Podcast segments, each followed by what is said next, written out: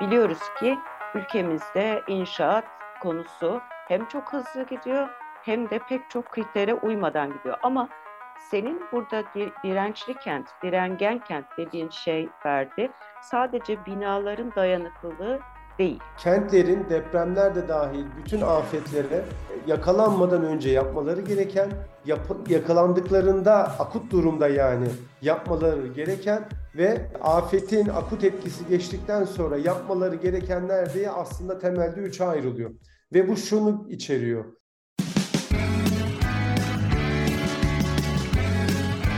Oku, dinle, izle.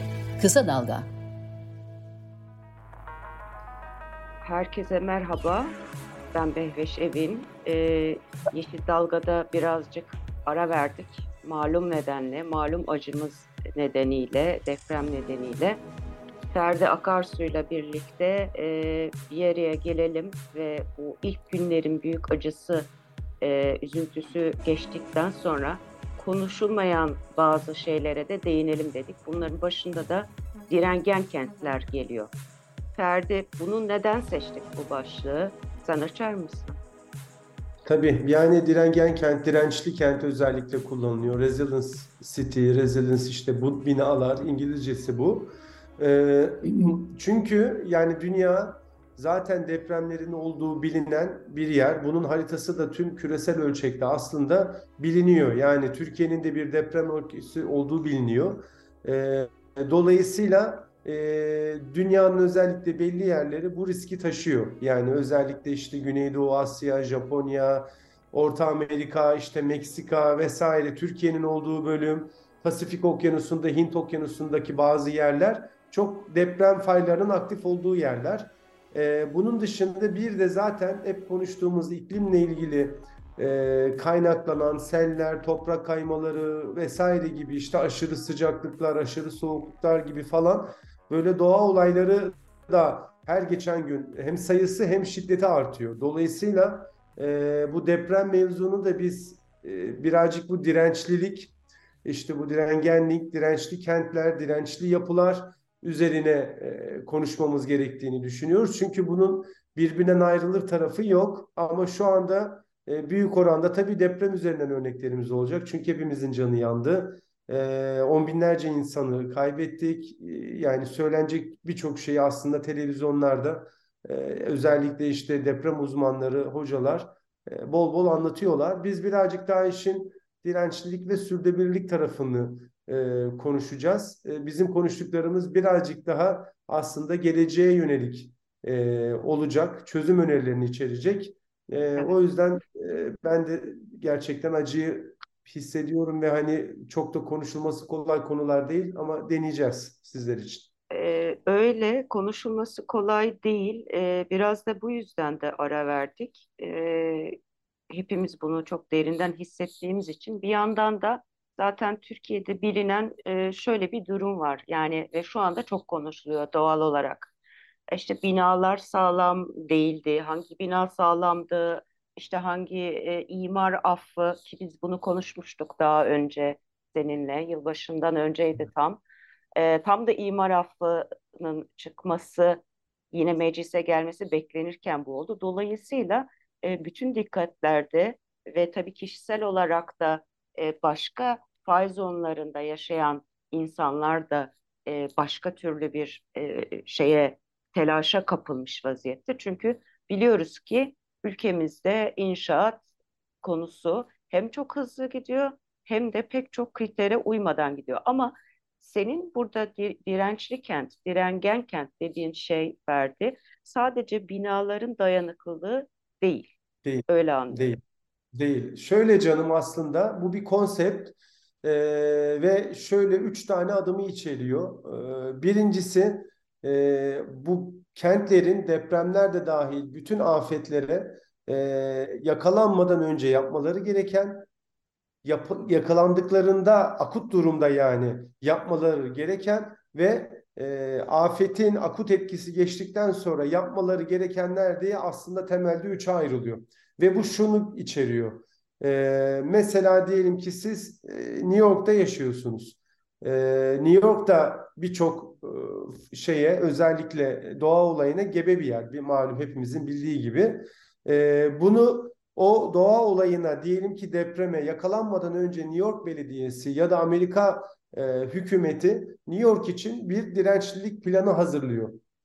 Bu plan aslında şunu e, içeriyor. E, baktığınız zaman bu hepimizin bildiği Birleşmiş Milletler'in bu e, sürdürülebilir kalkınma amaçları, hedefleri var biliyorsunuz işte.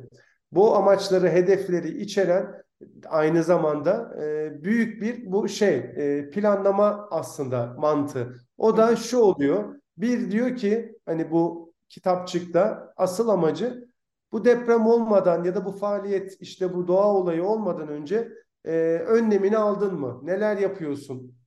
Hali hazır durumu tespit ettin mi? Bununla ilgili yatırımları yaptın mı? Yapıyor musun diye devamlı yerel belediyelerin işte yerel yönetimlerin ondan sonra merkezi hükümetlerin falan önünde durması gereken her türlü kararı alırken hem belediye hem de hükümetler olarak yönetim olarak bu plana bakıp ha bu planda biz böyle böyle demişiz bunu böyle yapalım diyebileceğiniz bir durum ortaya koyuyor. Birincisi bu. Yani aslında bizim belediyecilikte de yönetimde de kullandığımız bu planlama, imar planları işte e, gibi üst ölçekli planlar dediğimiz planların en üstünde olması gereken bir şeyi ortaya koyuyor. Ne yazık ki e, bu durum Türkiye'de örneği olan bir şey değil. Onu söyleyeyim. İlkini İzmir için hazırlamıştık. E, İzmir depremi esnasında onu söyleyeyim. Hani benim evet, bildiğim onu hatırlatman iyi olur. Evet. Yoktu çünkü yani Türkiye'de dünyada olan bir şey. Bu öyle bir e, bir şekilde hani ben de ön ayak olmuştum o zamanlar olsun diye sağ olsun hızlıca İzmir'de de bu hazırlandı. Eksiklikleri, fazlalıkları falan vardır, yoktur. O tartışılır ama örneği yoktu yani. O yüzden e, bu dirençlilik planları bir öncesini, iki şunu da içermek zorunda. Onu söyleyeyim. Hani bu önemli. Olduğu zaman deprem, olduğu zaman sel gibi şeyler ne yapılması gerekiyor? Burada da iletişimden, koordinasyona, kaynaklar aktarımına, altyapı desteklemelerine kadar akut anda ilk 6 saatte, ilk 12 saatte yapılması gerekenler, iletişim anlamında anında yapılması gerekenler, tek elden mesaj verme detayına kadar. Yani hani e, e, bilgi kirliliğinin falan önüne geçmek için böyle durumlarda hepsini içeren e, eylemler oluyor. Bu da ne sağlıyor? Örnek veriyorum Hatay için örnek verelim. 10 tane kentimizi ne yazık ki etkiledi deprem ama hemen o anda Hatay valisi, Hatay belediye başkanı yönetişimi de tanımlıyor bu. Bir araya geliyorlar ya da bir mekanizmayla hemen o kitapçığı açıp ha tamam şu mesaj verilmesi gerekiyormuş. O mesaj burada yazıyor. Hemen şunlar çağrılması gerekiyormuş. Örnek veriyorum ordudur, afattır vesaire neyse. Hani o ülkenin e, şeyini yapısına göre değişebilir.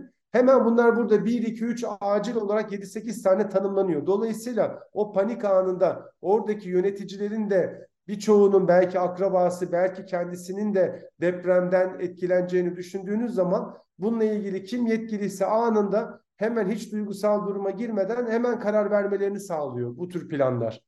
Evet. Bunu da işlenmesi gerekiyor bu. Diğeri de daha uzun vadeli. Üçüncü adımı da oldu olay. Akut durum bitti. Beş gün geçti, on gün geçti her neyse.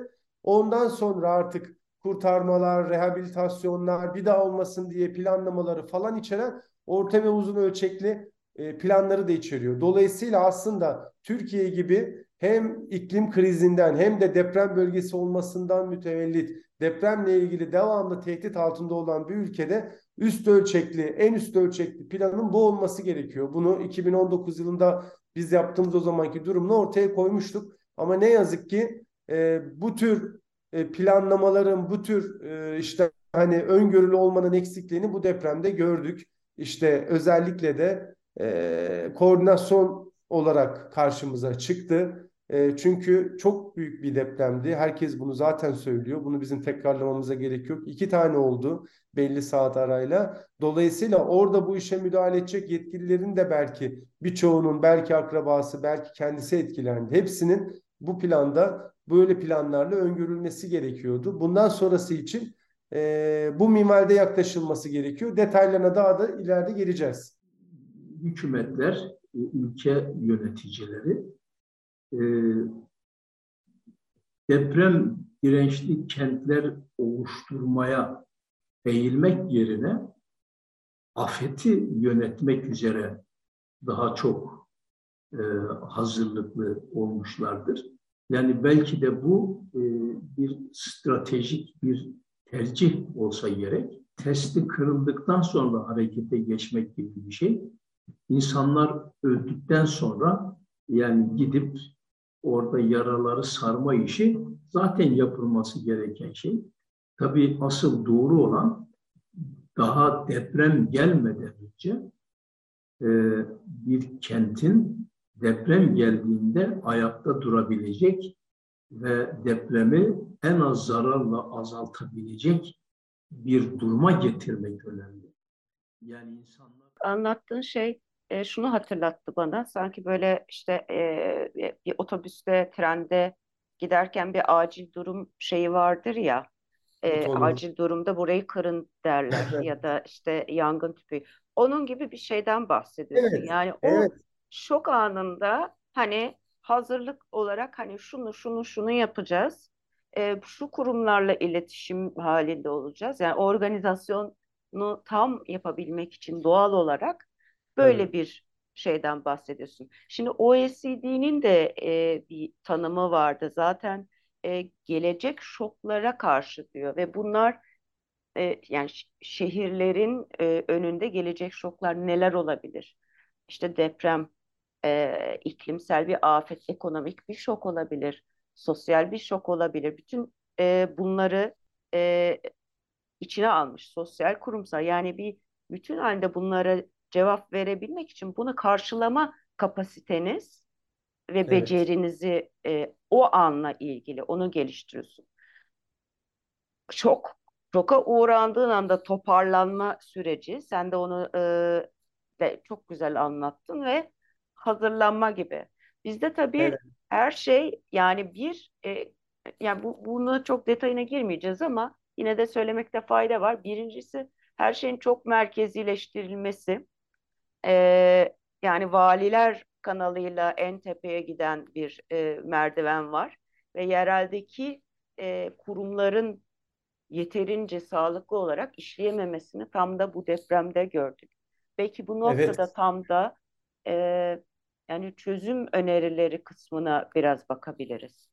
Tamam yani şey birincisi bu bu çözüm önerisi zaten yani bundan evet. sonra İstanbul, İzmir, e, işte Adana vesaire gibi deprem bölgesi olan e, yerlerin e, ivedilikle hani biz bunu İzmir için hazırlamıştık. Çok tabii dediğim gibi amatör ilki olduğu için hani bunu çünkü yaşadıkça daha deneyimli yapıyorsunuz.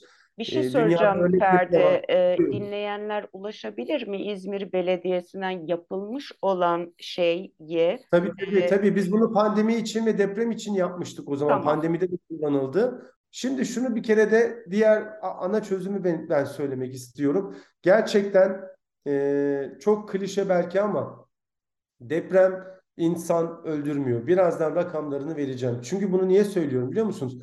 Bunu artık kabul edersek ancak bu tür çözümlere e, yakın oluruz. Kabul etmediğimiz zaman devamlı hasır alt ettiğimiz zaman bu tür çözümleri de arama iradesi göstermiyoruz hiçbir zaman. 99 depreminden sonra göstermediğimiz gibi. İşte Erciş'ten sonra göstermediğimiz gibi, Elazığ'dan sonra göstermediğimiz gibi yani İzmir depreminden sonra fark etmiyor yani hani ve bu dünyada sadece bizim sorunumuzda değil onu da söyleyeyim. Niye olduğunu da söyleyeceğim şimdi. Ee, çok yine bir hızlı bir e, dinleyenler internetten kendileri de araştırma yaparlarsa gelişmiş, gelişmekte olan ve gelişmemiş ülkelerde depremlerin bina yıkma ve öldürme oranlarına bakıldığında korelasyon görecekler. Şaşırdık mı? Şaşırmadık.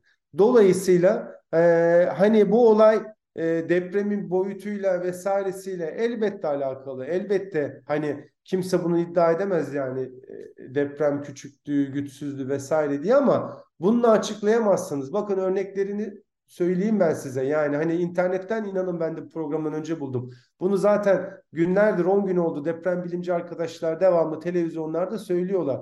Hadi bu örnekleri vermemin nedeni herkes diyor ki herkes Japonya'dan örnek veriyor. Bir tek Japonya mı var dünyada? Değil. Bakın söyleyeceğim. Avustralya Bakın, e, var. Galiba evet. Sa e, El Salvador'da da e, bir takım hazırlıklar ve şeyler var daha önceki yıkımlardan dolayı ama sen daha iyi biliyorsun Ferdi söyle. Tabii yani yok ben de inanın şimdi deprem bilimci değilim istatistikleri indirdim biraz önce bir araştırma yapayım dedim neymiş hani depremlerin boyutuna göre yıkılan bina ve ölen insan sayısıyla alakalı olarak hani indirdim baktım yani çok zor bir şey değil internette 10 dakikalık bir aramayla kaynaklı olarak bulabiliyorsunuz bunları.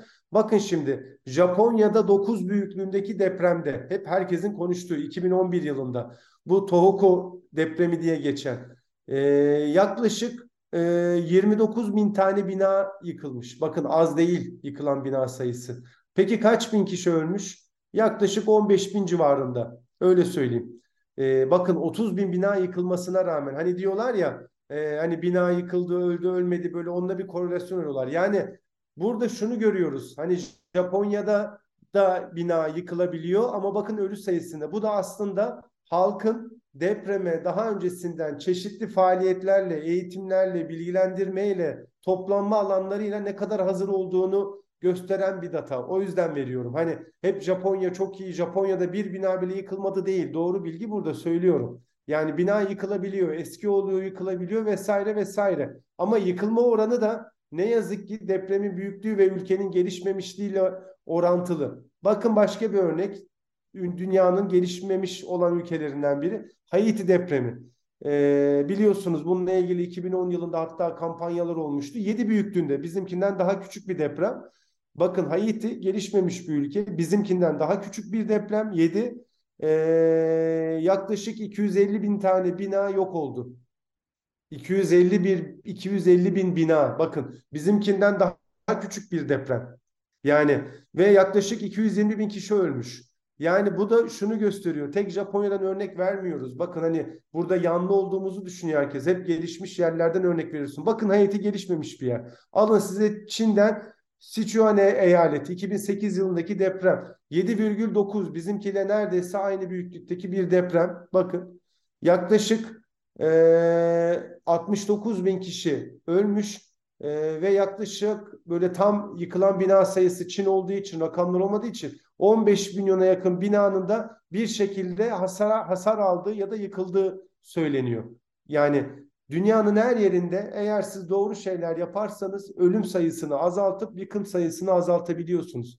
Ama bu durum gelişmiş ülke olmakla gelişmemiş ülke olmakla bağlantılı. O yüzden bunu sadece şöyle açıklayamıyoruz. Yani bunu çok yapıyorlar. Deprem çok büyüktü. iki tane oldu ve bu yüzden bizim yapacağımız bir şey yoktu. Hiçbir şekilde bu cevap bilimsel değil. E, hani etik değil, ahlaki değil. E, din e, ileri gelen insanları tarafından da ayrıca e, yalanlanıyor. Yani Türkiye'de de bununla ilgili Diyanet'in vesairenin hani bu tür e, camiaya yakın olan uzmanların da anlattığı bir şey. Bunun arkasına sığınmamak gerekiyor. Bunu söylemek istiyorum.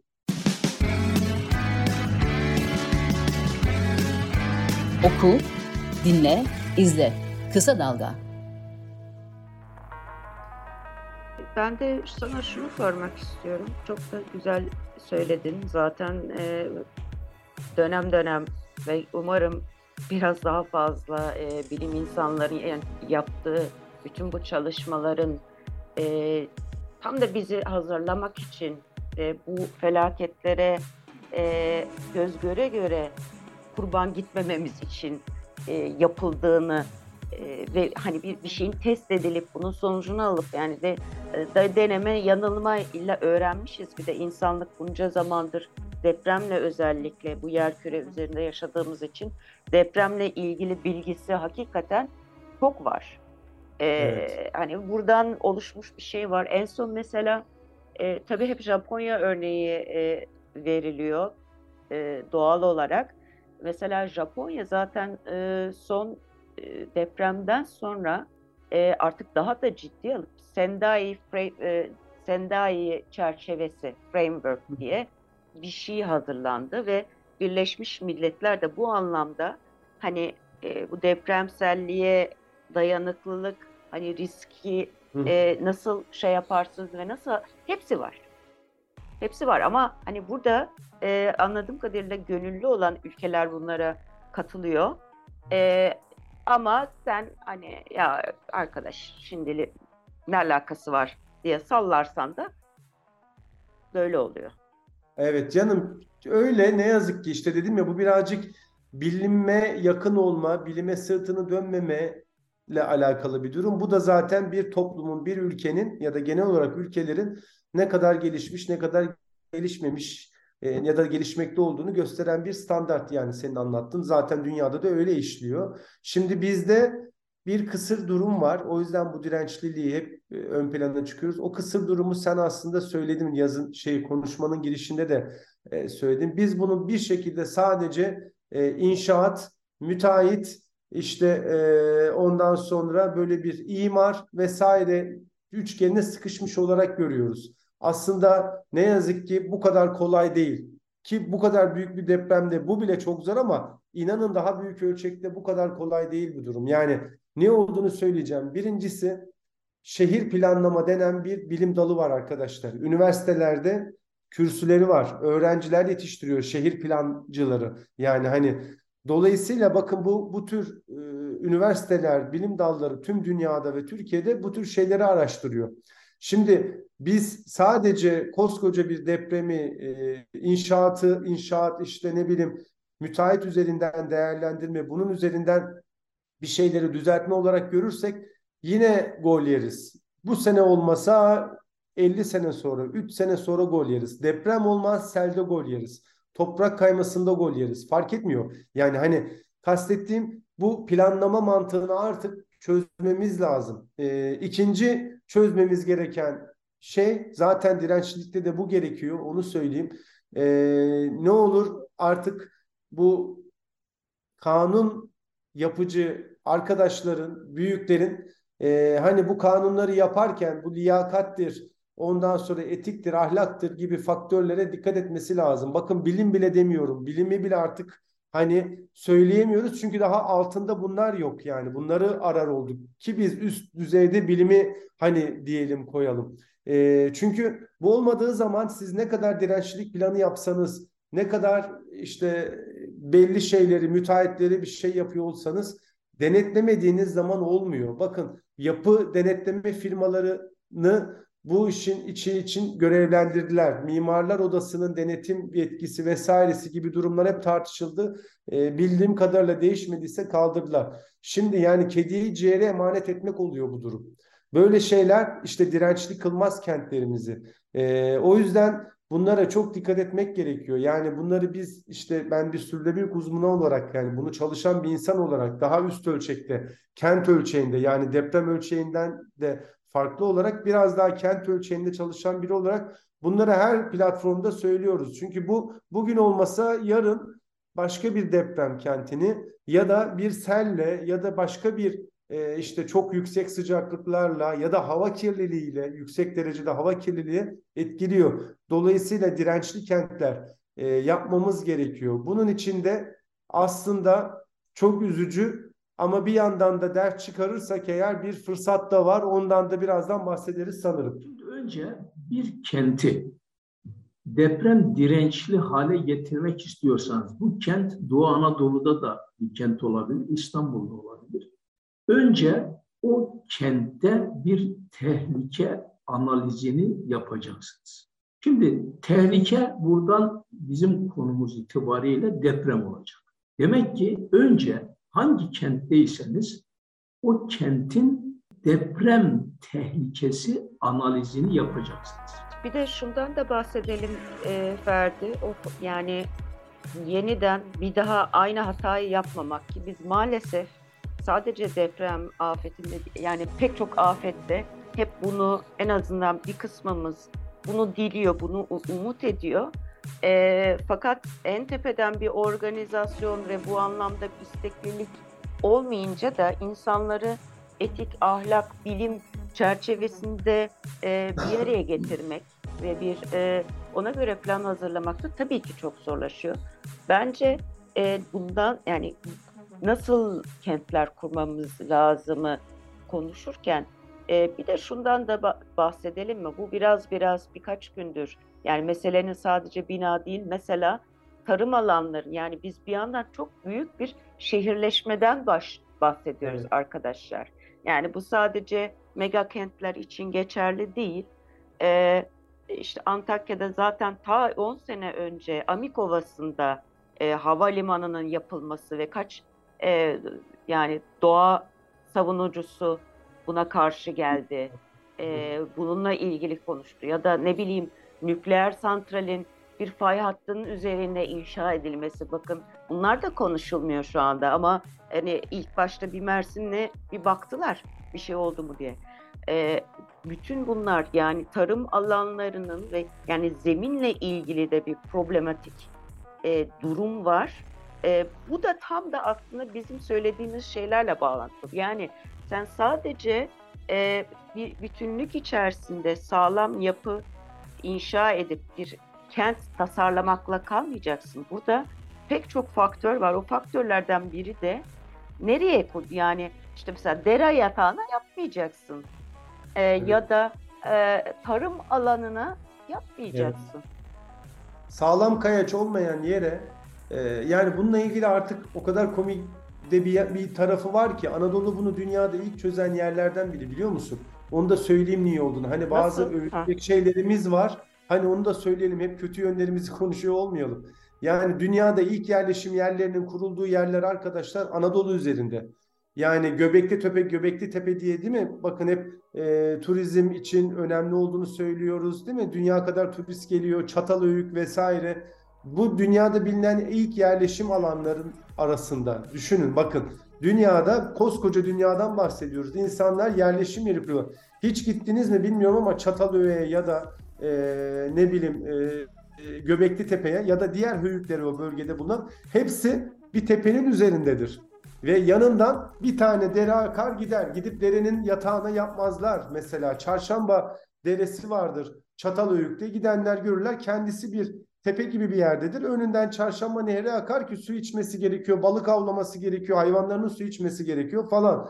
Ama kendisi gidip de derenin Menderes yaptığı, gidip de alüvyon yaptığı yere yapmamıştır onu. Oradaki tepeye yapmıştır. Hani bunun dünyada ilk yerleşim yeri kuran bir ülkede gidip bundan yaklaşık 10 bin sene sonra yanlış yerleşim yapıyor olmak hakikaten trajikomik geliyor bana. Yani komik tarafı bu. Yani dünyaya bunu bizim öğretiyor olmamız lazım. Nasıl yerleşim yerleri yapılacak, nasıl binalar yapılacak. Niyeyse golü hep biz yiyoruz. Yani 99'da yedik, sonraki depremlerde yedik. Burada da yedik. Baktığınız zaman bir tek binaya sıkışıp kaldık. Bakın ben size bir şey söyleyeyim gerçekten.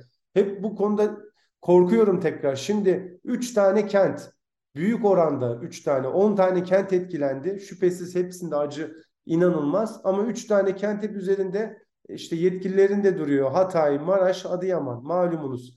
Neredeyse bu kentlerde binaların e, büyük bir oranda zarar gördü. Bir kısmı yıkıldı. Zarar görenler yıkılacak malum. Yani hepimizin bildiği proses. Hepimiz depremleri gördük. Deprem sonrasını gördük. Yani neredeyse bu üç tane kenti biz sıfırdan kuracağız. Şimdi bu bir yandan çok üzücü kayıplarımız nedeniyle bir yandan da bu bir avantaj. Çünkü elimize şu avantajı da veriyor bu. Eğer ders alırsak doğru bir şehir planlama, doğru mimari ve doğru altyapı faaliyetleriyle biz dünyaya örnek olacak üç tane e, sürdürülebilir, e, dirençli, yeşil kent oluşturabiliriz. Ve dünyaya da örnek de olur Türkiye, diğer ülkelere. Çünkü dedik ya Türkiye tek değil, diğer gelişmemiş e, ve gelişmekte olan ülkeler de bizim durumumuzda. Demin işte istatistikleri, rakamları söyledim size.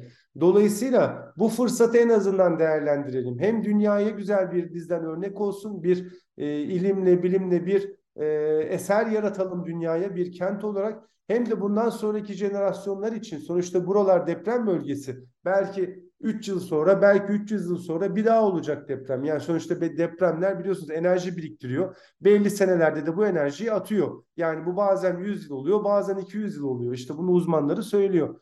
Dolayısıyla zaten sıfırdan yapacaksak bir şey yapalım. Diyeceksiniz ki işte belki bu durum şimdi çok mu acil, çok mu öncelikli, daha pahalı olacak bu durum. Bakın size bir şey söyleyeyim. Yeşil, sertifikalı, dirençli bir bina yaptığınız zaman evet biraz daha pahalı. Ne kadar pahalı olduğunu da söyleyeyim size istatistik olarak. Yaklaşık yüzde 2 ile yüzde 22 arasında yerine göre, binasına göre daha pahalı inşa etmek. Bu, bu bilinen bir şey yani 2-2-4. Ama ne oluyor biliyor musunuz? Mesela örnek vereyim yine bilimsel örneklerden. Hepimizin bildiği LEED sertifikasyonu var malum. Hani bu işte enerji etkin, işte dirençli e, binalara verilen bir sertifikasyon küresel ölçekte. Türkiye'den de örnekleri var. Mesela araştırma yapmışlar uzmanlar. Benim önümde şu anda istatistikleri ben sizin için indirdim. Eğer diyor ki sen bir lit bina yaptığında normal yapacağın binada eğer lit platinyum yaptıysan lidin en üstünü yaklaşık 12 yılda sen e, daha pahalı yaptığın inşaatın nötralize edeceksin, amorti edeceksin. Mesela eğer gold sertifika alırsan binana 8,5 yılda, eğer silver, gümüş alırsan 5,5 e, yılda yani ortalama arkadaşlar 10 yılda yaptığınız daha fazla masrafı binanıza geri alıyorsunuz. Daha da güzel bir şey söyleyeyim. Bundan sonraki yıllarda tamamıyla kazançlı hale geliyorsunuz. Her geçen gün kazanıyorsunuz. Onun da nedeni şu. Yine yapılan bir araştırmaya göre yeşil bir bina, hani bina bina diyoruz ya bina yapacağız şimdi binlerce değil mi? TOKİ vesaire. Yeşil bir bina yaptığınızda enerjiden devamlı %30 kazanıyorsunuz. Su masrafından da devamlı %30 kazanıyorsunuz. Ayrıca operasyon giderlerinden de %8 kazanıyorsunuz. Devamlı. Yani bina ömrü ömrü boyunca. Yani artık bu fırsatı kullanalım. Gidip oraya tamam ne evi yapacaksak artık bağışlar toplanıyor. Doğru düzgün bir kent planlaması, altyapısı, işte deprem e, kaçış alanları, toplanma alanları, doğal alanlar yani temelde bir dirençli kent yapalım. Yaptığımız binalarda ne olur yeşil, sürülebilir olsun. Bakın parası da size 5 yılda 10 yılda geri geliyor. Yani e, kazık yemiyoruz. Anlatabiliyor muyum? Yani hani hep öyle diyorlar çünkü bizim gibi bu rakamları verenleri. Bunlar zengin işi falan diyorlar. Zengin işi falan değil. Bakın rakamları burada. İsteyen arkadaşlar ulaşabilirler bizlere, kanala ulaşabilirler. Bu kaynakları da biliriz. Dolayısıyla bu tarihi bir fırsat hem hatamızı telafi etmeye yönelik hem de gerçekten dünyaya bizden de güzel eser bırakmaya yönelik olur. Onu söyleyeyim. Ee, tabii Ferdi o şeyi linkleri zaten e, kısa dalgada da veririz podcast yayınlandıktan sonra. E, bir de tabii evet. yeşil e, mimariyle ilgili aslında depremden önce e, bununla ilgili yani nasıl hangi koşullarda dayanıklılık yani hem iklim afetlerine hem başka afetlerine hem insan sağlığına e, ve hani nasıl şehirler yapılıyor, nasıl şehirler planlanıyor e, kısmına da daha sonraki programlarda gireceğiz. Ama aslında yine e, iç içe geçmiş şeyler. Mesela bu depremdeki en büyük evet korkunç bir yıkım oldu. Ama bir yandan da e, şunu da unutmayalım. Bu e, tek taraflı işte elektrik e, elektriğinden suyuna evet. e, düzeneğin e, öyle bir e, düzenek kurulmuş ki e, aslında bununla da bununla da başa çıkacak bir sisteme işaret ediyor. E, daha yeşil, e, direngen kentler derken böyle Tabii. anlarda kendi kendine belki devreye girebilecek, kendi kendine bir şey oluşturacak ama tabii ki bu konuya dair e, konuşacak çok şey var. Sen eklemek istiyorsan yine bir şey ekle Ferdi'cim. Çünkü yavaş yavaş e, tamam. süremizin sonuna geldik. Daha sonra tekrar konuşacağız nasılsa. Tamam canım. Yani şöyle çok basit anlamda siz şimdi bir karar verip de devlet olarak ben yeşil kentler oluşturacağım, yeşil binaların olduğu yeşil planlamayla altyapısının da aynı şekilde sürülebilir olduğuna karar verdiğiniz zaman bakın ne oluyor? Bir, dayanıklılığınız, dirençliliğiniz artıyor. İki, çevreye yönelik olarak etkileriniz azalıyor. Dolayısıyla iklime, iklim krizine bağlı olarak seldir vesairedir gibi durumları azaltıyorsunuz. Güvenlikle ilgili çok büyük önlemler almış oluyorsunuz. Çünkü bunlar aynı zamanda büyük felaketler milli güvenlik problemidir de. Hani bunun detaylarına başka programlarda gireriz ama bunu televizyonlarda orada burada bazı uzmanlar da dile getiriyor. İki, maliyet tasarrufu yapıyoruz. Bakın dünya kadar bağış toplanıyor. Yani hani bu durumda bu toplanan iyi niyetli toplanan bağışların gerçekten tasarruflu ama dirençli, güçlü kentler ve yapılara aktarılması gerekiyor. Bunu da yine bu tür sürülebilir, yeşil ve dirençli yapılar ve planlama mantıkları sağlıyor ve dahası da e, toplumda dayanıklık sağlıyor. Yani siz bir binayı sadece enerji işte e, biraz daha yüzde otuz azaltıyor, para kazanıyorum, e, suyu yüzde otuz az harcıyorum, para kazandım gibi düşünmeyin. Siz koskoca mahallede yeşil yaptığınız, dirençli yaptığınız bir bina aynı zamanda deprem esnasında insanlarda toplanma alanı görevi bile görebiliyor. Biliyor musunuz? O dep o bina o kadar güvenli oluyor ki o öyle bir güven sağladığı için Dolayısıyla toplumsal oradaki dayanıklılığı da aslında sağlamış oluyorsunuz. Yani çok fazla etken var ama benim gördüğüm büyük bir fırsat var. Hani büyük bir kayıptan doğan büyük bir fırsat. Ee, hani bu çok konuşulmuyor televizyonlarda, gazetelerde vesaire. Bu fırsatı e, ne olur sadece TOKİ'ye indirgemeyelim. E, bunu sadece binaya indirgemeyelim. Bunu bir planlama mantığıyla, bilimle, e, sürülebilirlik ilkeleriyle ele alıp sadece depreme değil birçok e, e, söyleyin e, kötü olabilecek olan doğal afete karşı dirençli toplumlar yaratalım. İnsanlarımız ölmesin, doğamız yok olmasın. Yani hani diyebileceğimiz de fazla da bir şey yok bu aşamada.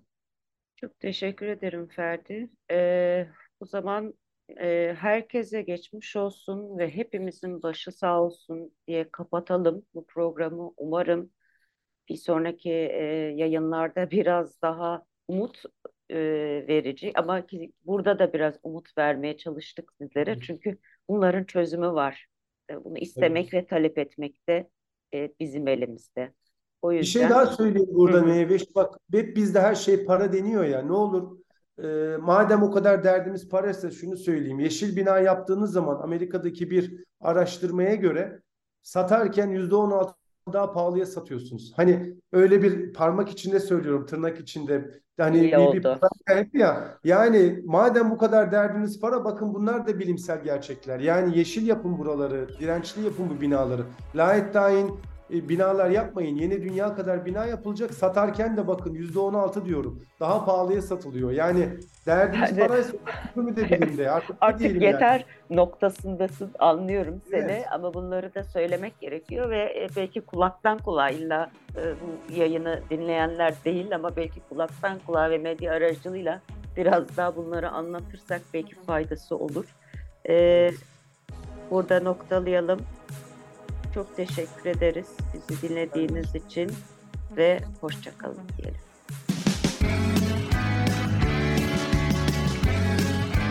Oku, dinle, izle. Kısa Dalga